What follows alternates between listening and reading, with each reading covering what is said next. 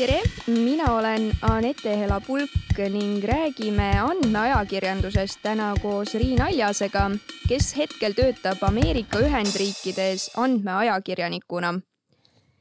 et ma võiksin siin ise vist ka tuua päris palju näiteid, mis ma siin lugenud olen, et kuidas saaks siis andmeajakirjandust defineerida. aga annaksin hea meelega teile selle võimaluse, et kui sa ise peaksid defineerima, mis on andmeajakirjandus, siis kuidas sa seda defineeriksid? tere, see kindlasti ei ole ametlik definitsioon, aga mina olen ise andmeajakirjanik ajakirjandust äh, enda jaoks defineerinud, siis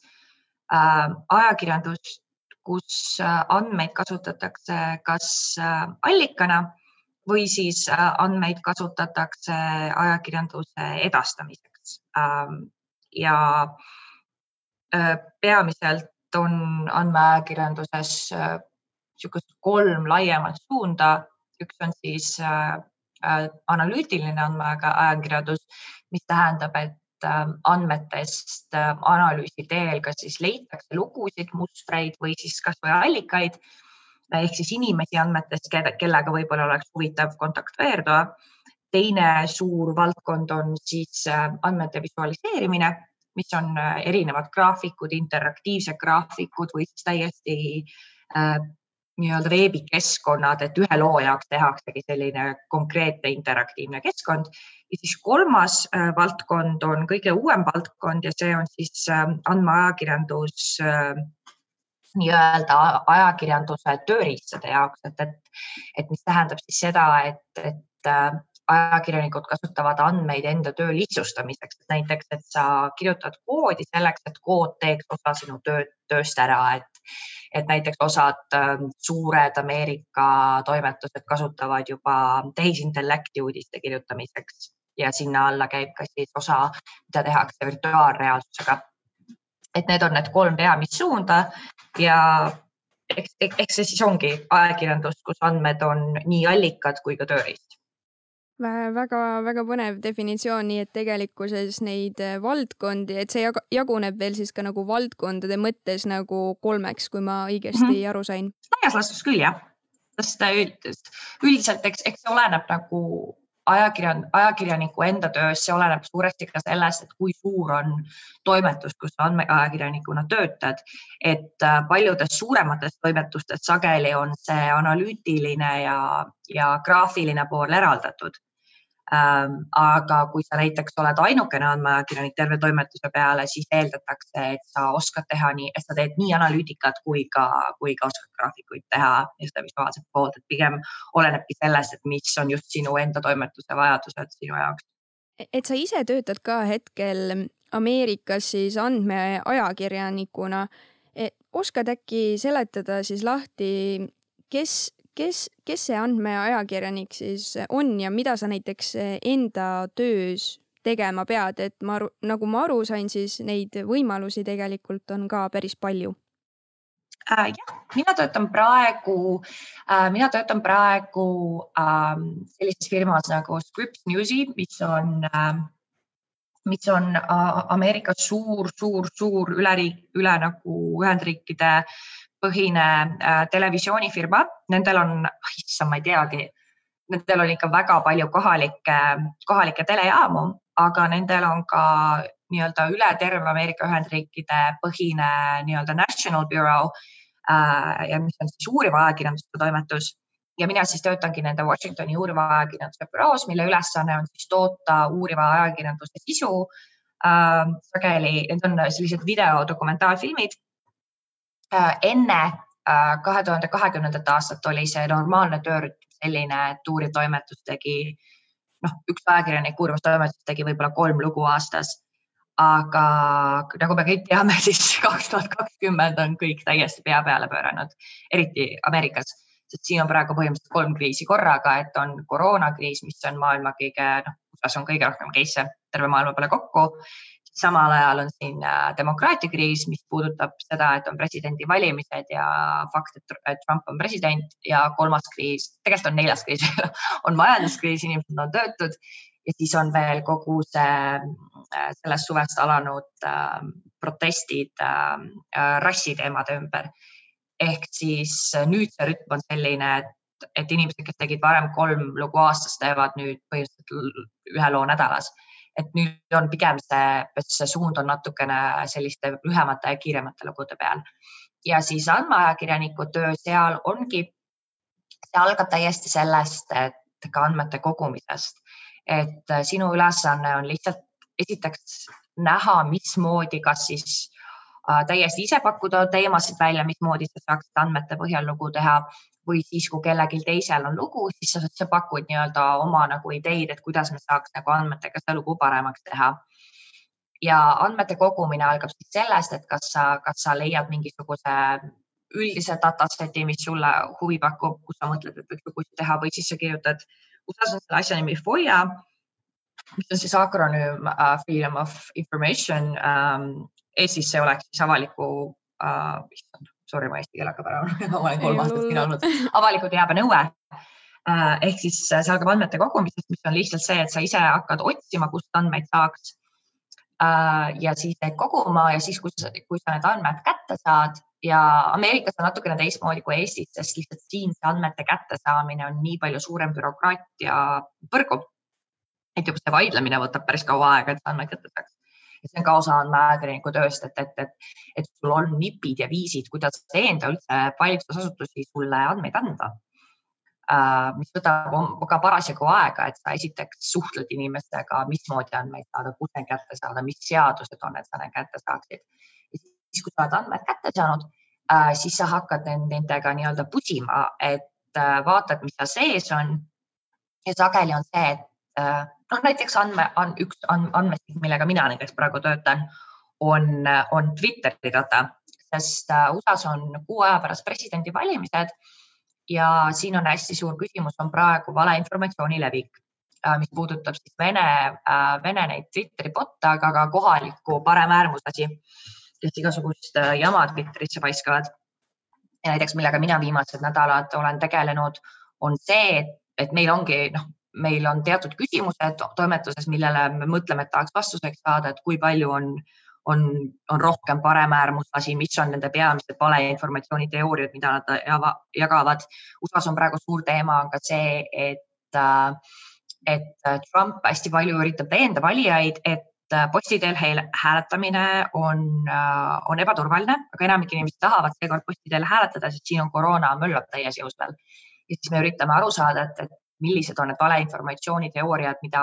botsidel hääletamise suhtes jagatakse.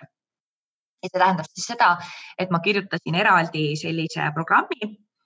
mm, eraldi koodi, mis siis automaatselt äh, laeb mulle alla kõik äh, need miljonid tweet'id äh, ja tweet'ide tekstid ja siis selle kasutaja niimoodi.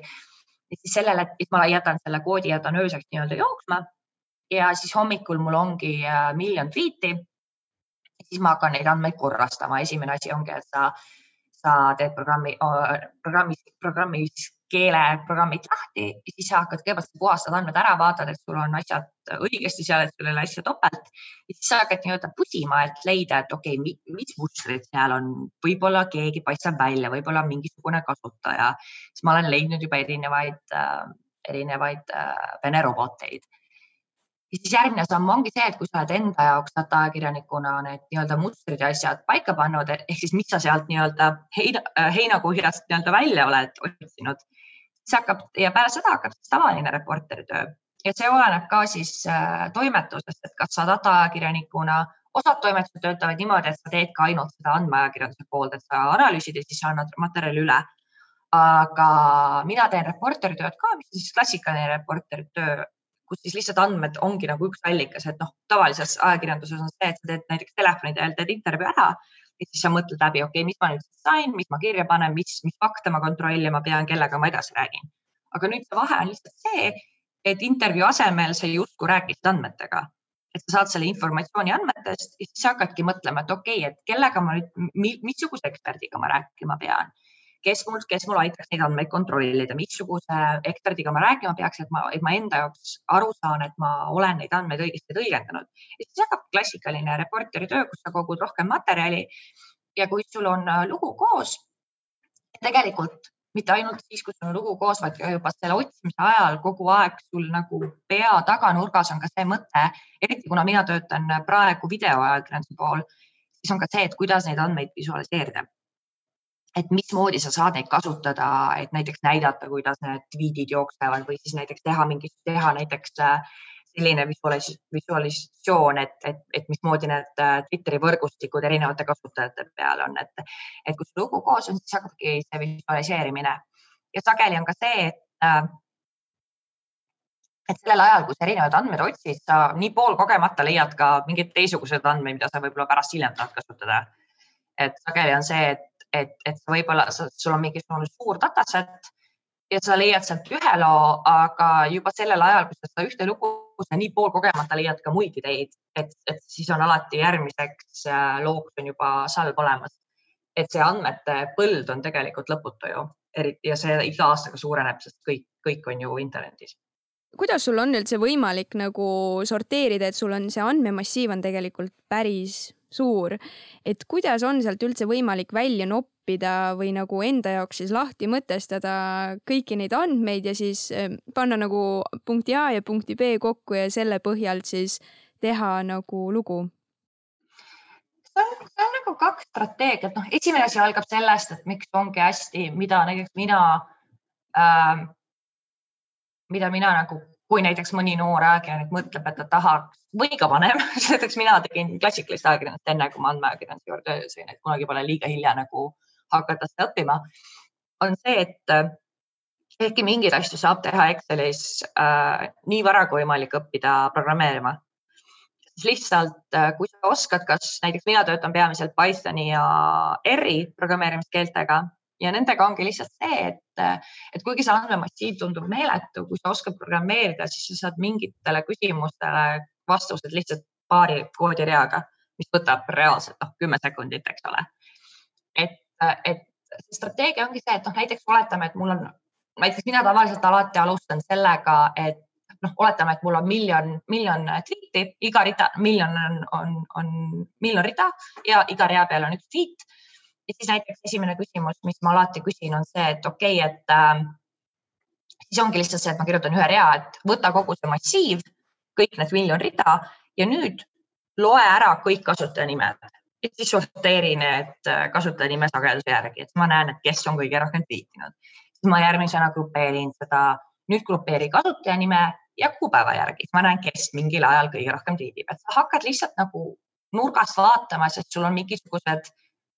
kuna sa oled uudishimulik ajakirjanik, siis sul on ju mingisugused küsimused endal olemas. aga siis on ka teine vastupidine strateegia, et kui sul on natukene olemas mingisugused baasteadmised äh,, mis eesti keeles machine learning on, machine learning on, on, on, äh, on arvutiteaduse põhimõte põhimõtteliselt, kui arvuti mõtleb sinu eest. et kui sul on olemas juba baasteadmised äh, machine learning ust, siis põhimõtteliselt sa nagu söödad arvutile selle teabemassi sisse ja siis sa ütled, et okei okay,, et kasuta seda algoritmi ja siis on sageli ka see, et kui sa oskad seda teha, mis on päris keeruline algajale, siis ka arvuti võib-olla ise oskab sulle teatud mustreid juba ette, ette sööta ja siis hakkad mõtlema, et okei okay,, mis ma nüüd saaks nendega teha. et äh, aga peamiselt see algab sellest, et sul on ajakirjanikuna on endal mingisugused küsimused olemas ja siis esimene strateegia ongi, et hakkad lihtsalt erinevat moodi neid andmeid grupeerima, et näha lihtsalt, mis mustrid seal on. ja siis sealt edasi juba ehk siis põhiline asi, mida nagu soovitada ka noortele, on siis tegelikult äh, ajakirjandushuvilistele näiteks, et äh, õppida ka, kui neil on huvi nagu äh, sellise andmeajakirjanduse vastu, et siis õppida ka natukene nagu programmeerimist, aga kas nagu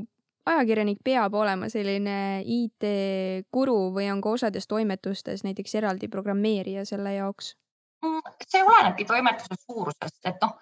mina olen töötanud nüüd äh, kahes äh, Ameerika toimetuses, esimene oli, ma tegin praktika eelmine suvi tegin Associated Pressi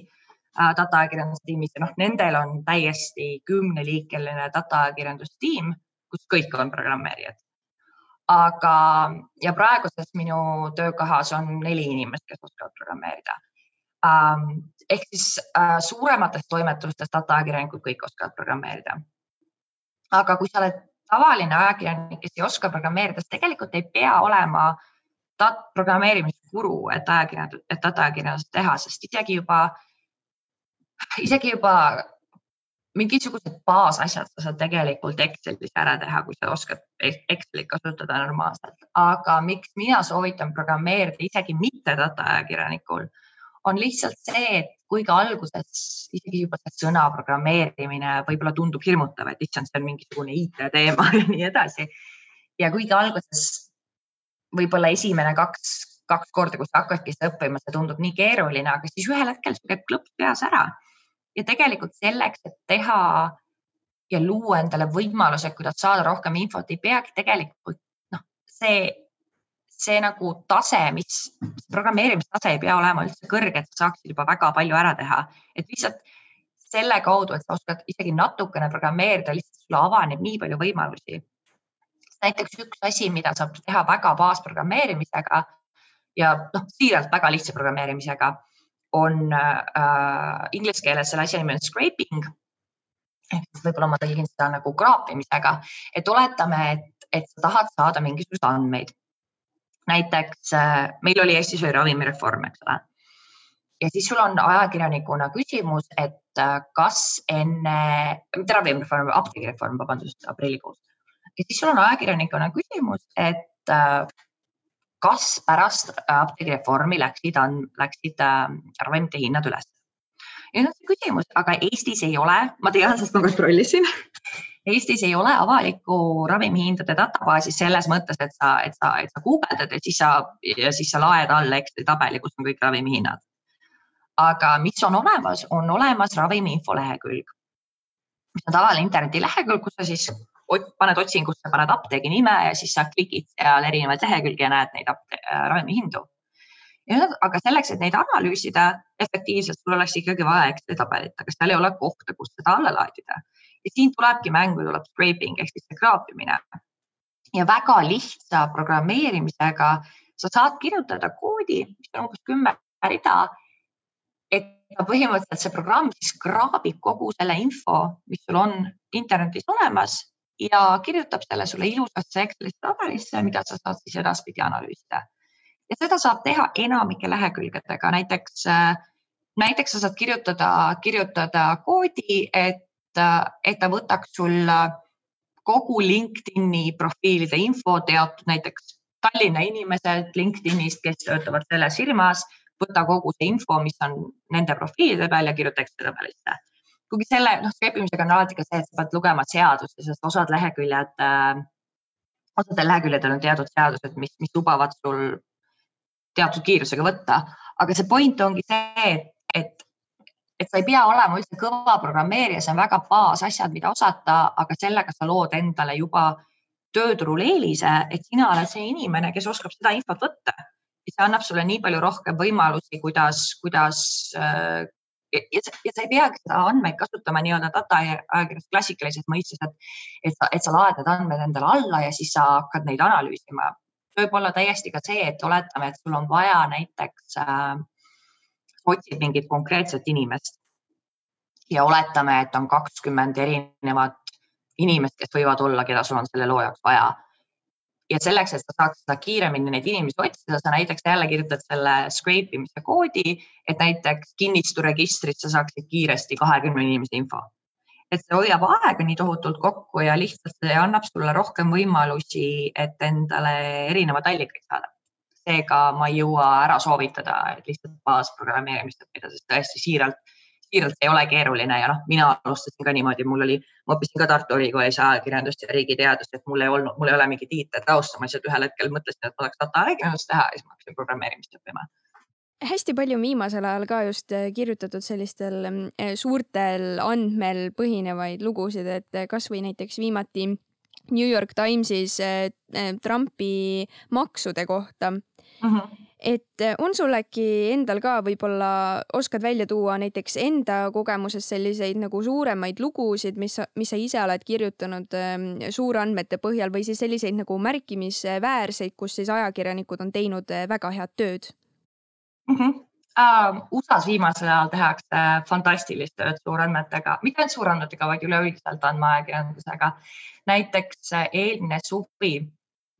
kui ma olin AP-s, Associated Pressis siis enne kui koroona Ameerikast tuli, põhiline suur teema oli Ameerika fentanüüli ja opioidid epideemia ehk siis ameeriklastel on äh, äh, pärast vist südamehaiguse kõige suurem surmapõhjus oli, oli opioidide üledoosid. ja siis eelmine suvi äh, Washington Post äh, kaebas kohtusse äh, USA Ravimiameti selleks, et saada kätte meeletu kogus andmeid, mis oli siis põhimõtteliselt absoluutselt iga tablett Ameerikas aastast kaks tuhat kuus kuni kaksteist iga tablett, mis on USA-s äh, opioidi tablett, kus on ravim, kus on siis opioidi äh, toimeaine sees ehk siis oopium. ja põhimõtteliselt, kuhu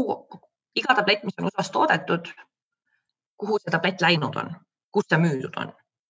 ehk siis ja see oli kaks tuhat kuus kuni kaks tuhat kaksteist ja see andmemass ja Washington Post äh, kaebas äh, Ravimiameti kohtusse, et need kätte saada. lõpuks said ja siis suvel äh,, suvel need tulid kusagil, vist juulikuus. ja see andmemass oli nii suur, et ma ei mäleta, mitu rida see oli, aga põhimõtteliselt nii Washington Postil kui ka AP-l, mis on USA ühed vingemad toimetused, mis nagu New York Times, Washington Post, AP, nendel on kõige vingemad datakirjandustiimid sõna otseses mõttes Washington Posti ajakirjanikud olid äh, põhimõtteliselt äh, seitsekümmend kaks tundi järjest tööl, väikeste pausidega magasid, et see andmed, et need andmed vähem isegi nagu arvutisse töödeldavale kujule saada. et see on ka selles mõttes hea reality check, et enne seda, kui ma nägin seda nii-öelda pealt,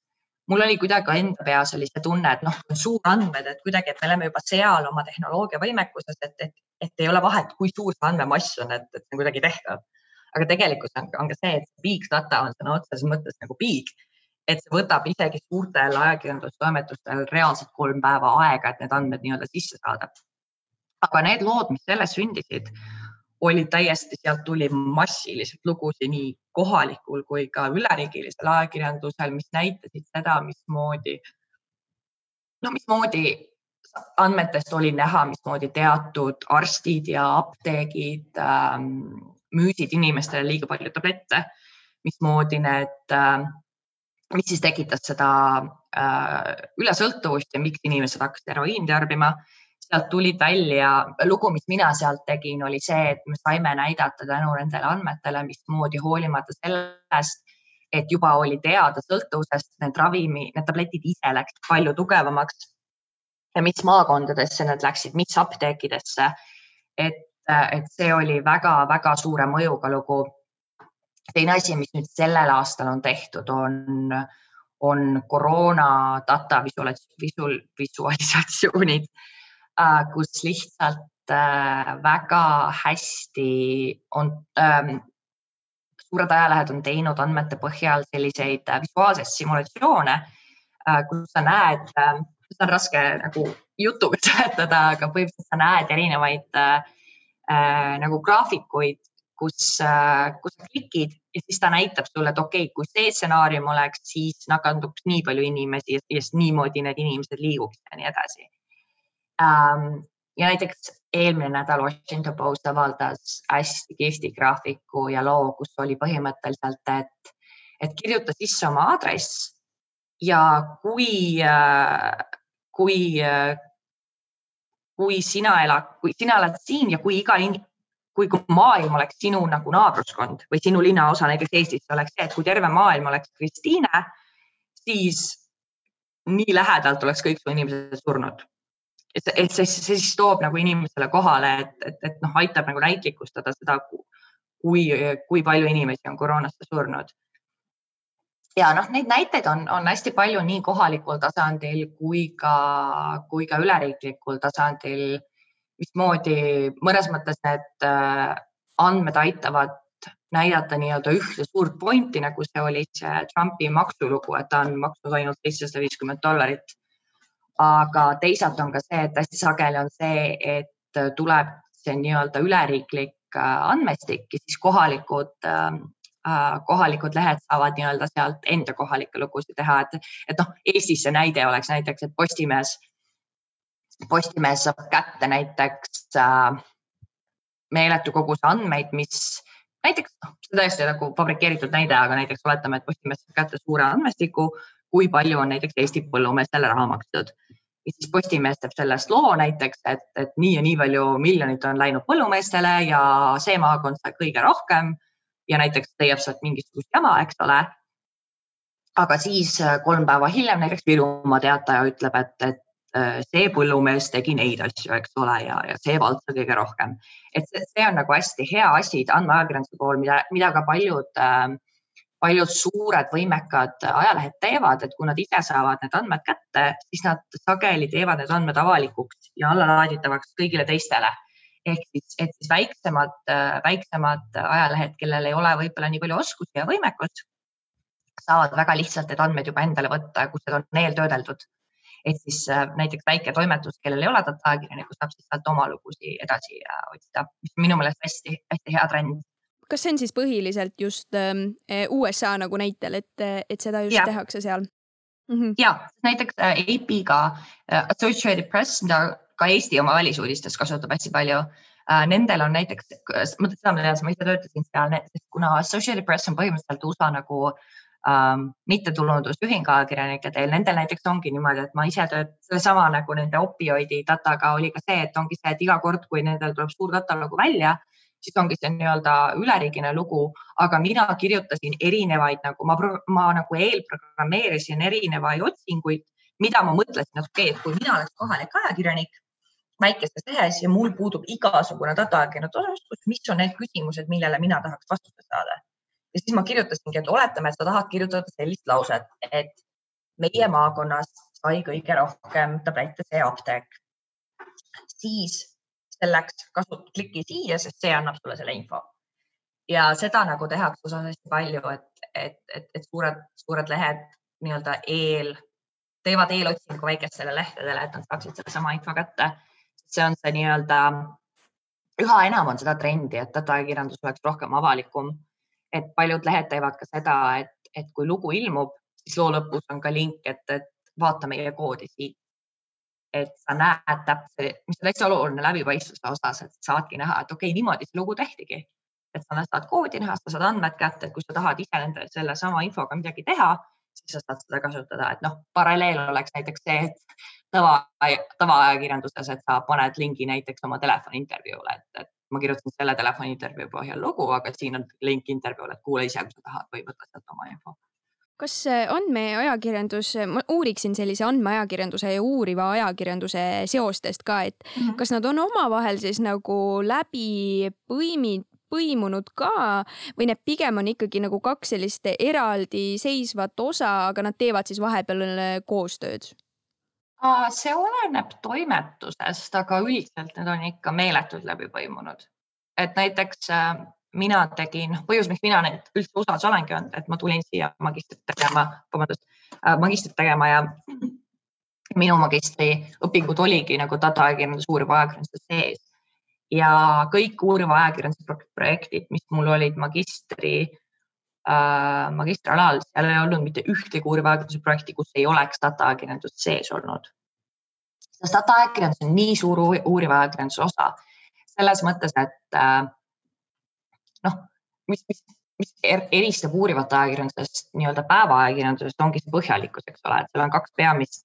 peamist või noh, kolm peamist äh, vahet tava, päevaajakirjanduse ja uuriva ajakirjanduse vahel on see, et esiteks uuriva ajakirjanduse lood alati otsivad mõju ehk siis missugustele küsimustele me saaksime vastata, mis, mis tooksid mõju või mingisugust muutust ühiskonda, eks ole. teine vahe on see, et sageli uuriva ajakirjanduse algmaterjal on kas salajane äh, või siis väga keeruline on seda kätte saada või siis lihtsalt sõna otseses mõttes see nõuab, see võtab tohutult aega, et seda materjali hallata. ja siis äh, kolmas vahe ongi see, et ähm, et see lihtsalt põhjalikkus, et küsimused, millele sa vastad, on nii palju põhjalikumad ja keerulisemad kui need päevaajakirjanduse äh, küsimused ja kõik need kolm asja, mis ma just äh, välja tõin, need vajavad hästi sageli, vajavad dokumente või siis andmeid. Et see algabki sellest, et ma võin näiteks näite tuua selles, et meil oli kaks väga põhjalikku uuriva ajakirjandusprojekti, millega ma koolis töötasin Äh, üks oli näiteks sellest, oli kodutusest Ameerikas, et me üritasime näidata seda, mismoodi kodutust on hakatud kriminaliseerima ehk põhimõtteliselt sa saad nagu kriminaalsüüdistuse puhtalt selle eest, et sa oled kodutu. aga noh, mismoodi sa näitad seda? ja siis see tähendas kuid ja kuid andmete kokkumist, mis, mis tähendas sedasama scrape imist kohtulehekülgedelt selleks, et saada kokku kõik kriminaalsüüdistused erinevatest maakondadest, siis hakkas, see tähendas, see tähendas kohtutega vaidlemist, see tähendas äh, koodi kirjutamist, koodi puhastamist, andmete allalaadimist, siis see tähendas seda, et ähm, et põhimõtteliselt aru saada, millised need inimesed on üldse kodutud, siis tähendas analüüsi, missuguseid süüdistusi said. Ja alles siis algas ülejäänud uuriv ajakirjandus, mis tähendas seda, et okei okay,, meil on nüüd kodutute inimeste nimed olemas me teame, missuguseid, missuguseid süüdistusi need saavad ja siis sealt hakkab see klassikaline uuriv ajakirjandus, et, et, et, et reporteri töö läheb sealt edasi, aga samal ajal kogu see data-ajakirjanduse pool jätkub. et tänapäeval on uurivat ajakirjandust väga keeruline ilma data-ajakirjanduseta teha, sest nii palju sellest infost, mis, mis annab uurivale ajakirjandusele selle, selle nii-öelda ekstra nagu väärtuse, on dokumentides ja andmetes, sest uuriva ajakirjanduse juures on hästi palju ka seda, et sa pead suutma tõestada seda, mis sa teed, eks ole. ja hästi sageli see tõestus, et noh, ausõna, nii ongi, tulebki andmetest selge, meil siin äh, aeg hakkab äh, vaikselt äh, otsa saama, ma ka hästi kiiresti küsiksin kaks küsimust veel. et kui näiteks, kui näiteks inimesele meeldib, meeldib, meeldib ajakirjandus, aga ta teab, et ta ei ole ise võib-olla väga edukas äh, selline andmete analüüsimi, analüüsija, et äh, kus tal on võimalik äh, sellist asja nagu õppida või, või, või kas ta nagu võiks võtta selle endale nagu kavasse ka? -hmm. Noh, eesti keeles äh, ma kahjuks, ma olen Eestis kolm aastat eemal olnud, seega ma ei tea, kas eesti keeles vahepeal on äh, materjali juures aga kui see inimene oskab inglise keelt, äh, siis on hästi palju tegelikult on, ähm, on tasuta kursuseid äh, veebis, äh, kust alustada. ma ise ühe loengu jaoks panen ka kokku ähm, nii-öelda õppematerjalide listi, mis ma saadan teie äh, instituuti, aga üldiselt on, üldiselt tasub lihtsalt otsida Google'ist äh, Introduction to Data Journalism äh, või siis äh, data journalism methods äh, ja ma mäletan seda, et kui mina ise olin veel Eestis, kui ma ei teadnud veel data-ajakirjandusest peaaegu mitte midagi, siis ähm, on, on selline koht nagu Euroopa Ajakirjanduskeskus ja nendel on äh, hästi hea veebikursus tasuta, mida saab oma tempos teha internetis, mis annab nii-öelda, see ei õpeta programmeerima, aga see annab, see annab selliseid hästi häid nippe ja oskuseid, kust andmeid otsida Äh, mismoodi andmeid äh, saada ja ka nii-öelda väga lihtsad, aga väga efektiivsed ja vajalikud ähm, Exceli ähm, oskused. aga üldiselt lihtsalt otsida free uh,, guugeldada uh, free introductory data journalism courses ja selle, sealt juba tuleb nii palju õppevideosid um,. ja teine asi, mida ma soovitaks, ma ei tea, võib-olla see on nüüd, see on ka üleüldiselt aeg nagu uuriva ajakirjanduse mõttes, aga, aga lihtsalt ma lihtsalt kui ma mõtlen ise, kui ma õppisin ise ka Tartust kaks tuhat kaheksa või kaks tuhat kaksteist ajakirjandust ja mul on nii kahju, et ma ei olnud teadlik nendest asjadest siis äh,. On olemas kaks podcast'i USA-s äh,, mis on tohutult, tohutult head ajakirjanduse teemal. üks on IRE podcast, IRE on uh, International uh,, no Investigative Reporters um, podcast ja põhimõtteliselt iga, see on internetis tasuta saadaval, seda saab kõikides podcast'i äppides ja põhimõtteliselt igas osas nad räägivad ühe uuriva ajakirjanduse, ühe uuriva ajakirjanikuna, kes siis räägib, mismoodi ta mingisuguse loo tegi. Ja hästi sageli seal on ka palju on andmetest, et, et ta räägib, et inimene, ajakirjanik ise räägib, et, et mul tekkis idee neid andmeid vaadata tänu sellele, minu nipid andmete saamiseks on need. ja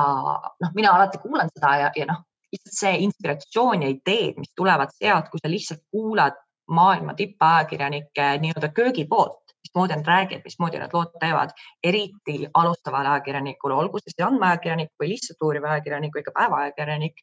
tohutult, tohutult, tohutult kasvalik. ja teine asi on, teine podcast on long form podcast, mille, kus räägivad äh,, igas osas räägivad Ameerika auhinnatud uurivad ajakirjanikud, enamasti nad on äh, long form ehk siis nagu äh, ajakir, ajakir, ajakirja ajakirjanikud, aga kes teevad pikki uuriva ajakirjandusprojekte ja nendelt noh, täpselt samamoodi, et, lihtsalt kuulata oma ala tippudelt tasuta nende asja, noh, mismoodi nad räägivad allikatega, mismoodi, mis on nende nipid, mis, mismoodi neil ideed tulevad. noh, sa saad tasuta põhimõtteliselt meisterklassi oma kõrvaklappides lihtsalt, kui sa tänaval kõnnid. et ma nii oleks tahtnud, et ma oleks teadnud oma õpingute ajal nendest podcast idest nagu noorele inimesele parim, parim materjal. ma ei jõua ära soovitada neid. Selge, kindlasti kõik selle podcast'i kuulajad saavad kes on vähemalt huvilised, saavad siis enda jaoks eh, välja uurida need podcast'id, et endalegi pakub kohe päris huvi. ja ma tegelikult viimasena tahtsingi küsida nõuandeid, eh, aga kuna sa juba nõuandeid jagasid siin üsna hulgini, siis, ehm, siis kui sul on veel midagi lisada, siis hea meelega kuulame ära või on sul äkki paar näpunäidet ka siia lõppu lisada? Hästi, üks hästi lihtne nipp Äh, mis tuli mulle kuidagi, vot vahel on see, et inimesed annavad sulle mingi nipi, mis tundub nii nagu common sense, aga sa ei ole selle peale kunagi mõelnud. ja üks hästi lihtne nipp, mida mulle minu esimeses loengus data-ajakirjanduses öeldi, on näiteks see, et kui sa lähed mis tahes äh, valitsusasutuse leheküljele, eks ole, olgu see siis, ma ei tea, kaitseministeerium või siis täiesti sinu valla valla lehekülg, kui sa teed kohalikku ajakirjandust, eks ole, siis ametliku asutuse kodulehed on alati täis vorme, mis on igasugused avaldused, et noh, et oletame, et sa oled näiteks, ma ei tea, Pärnumaa valla või Pärnu maakonna kodulehe peal või siis Pärnu linnas ja siis sa näiteks seal on vorm, et, et ma ei tea, taotle jahiluba, eks ole.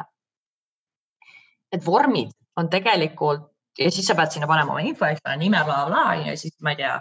saada vorm. Need vormid on tegelikult täielik ajakirjandus.com'i-pood äh,, sellepärast et mis tahes vormid on, äh, on äh, valitsusasutuste kodulehel. iga saadetud vorm on tegelikud andmed. see tähendab seda, et kusagil teisel pool vallavalitsuses või maakonnas on inimene, kes saab selle vormi kätte ja see ja see kogu see info läheb databaasi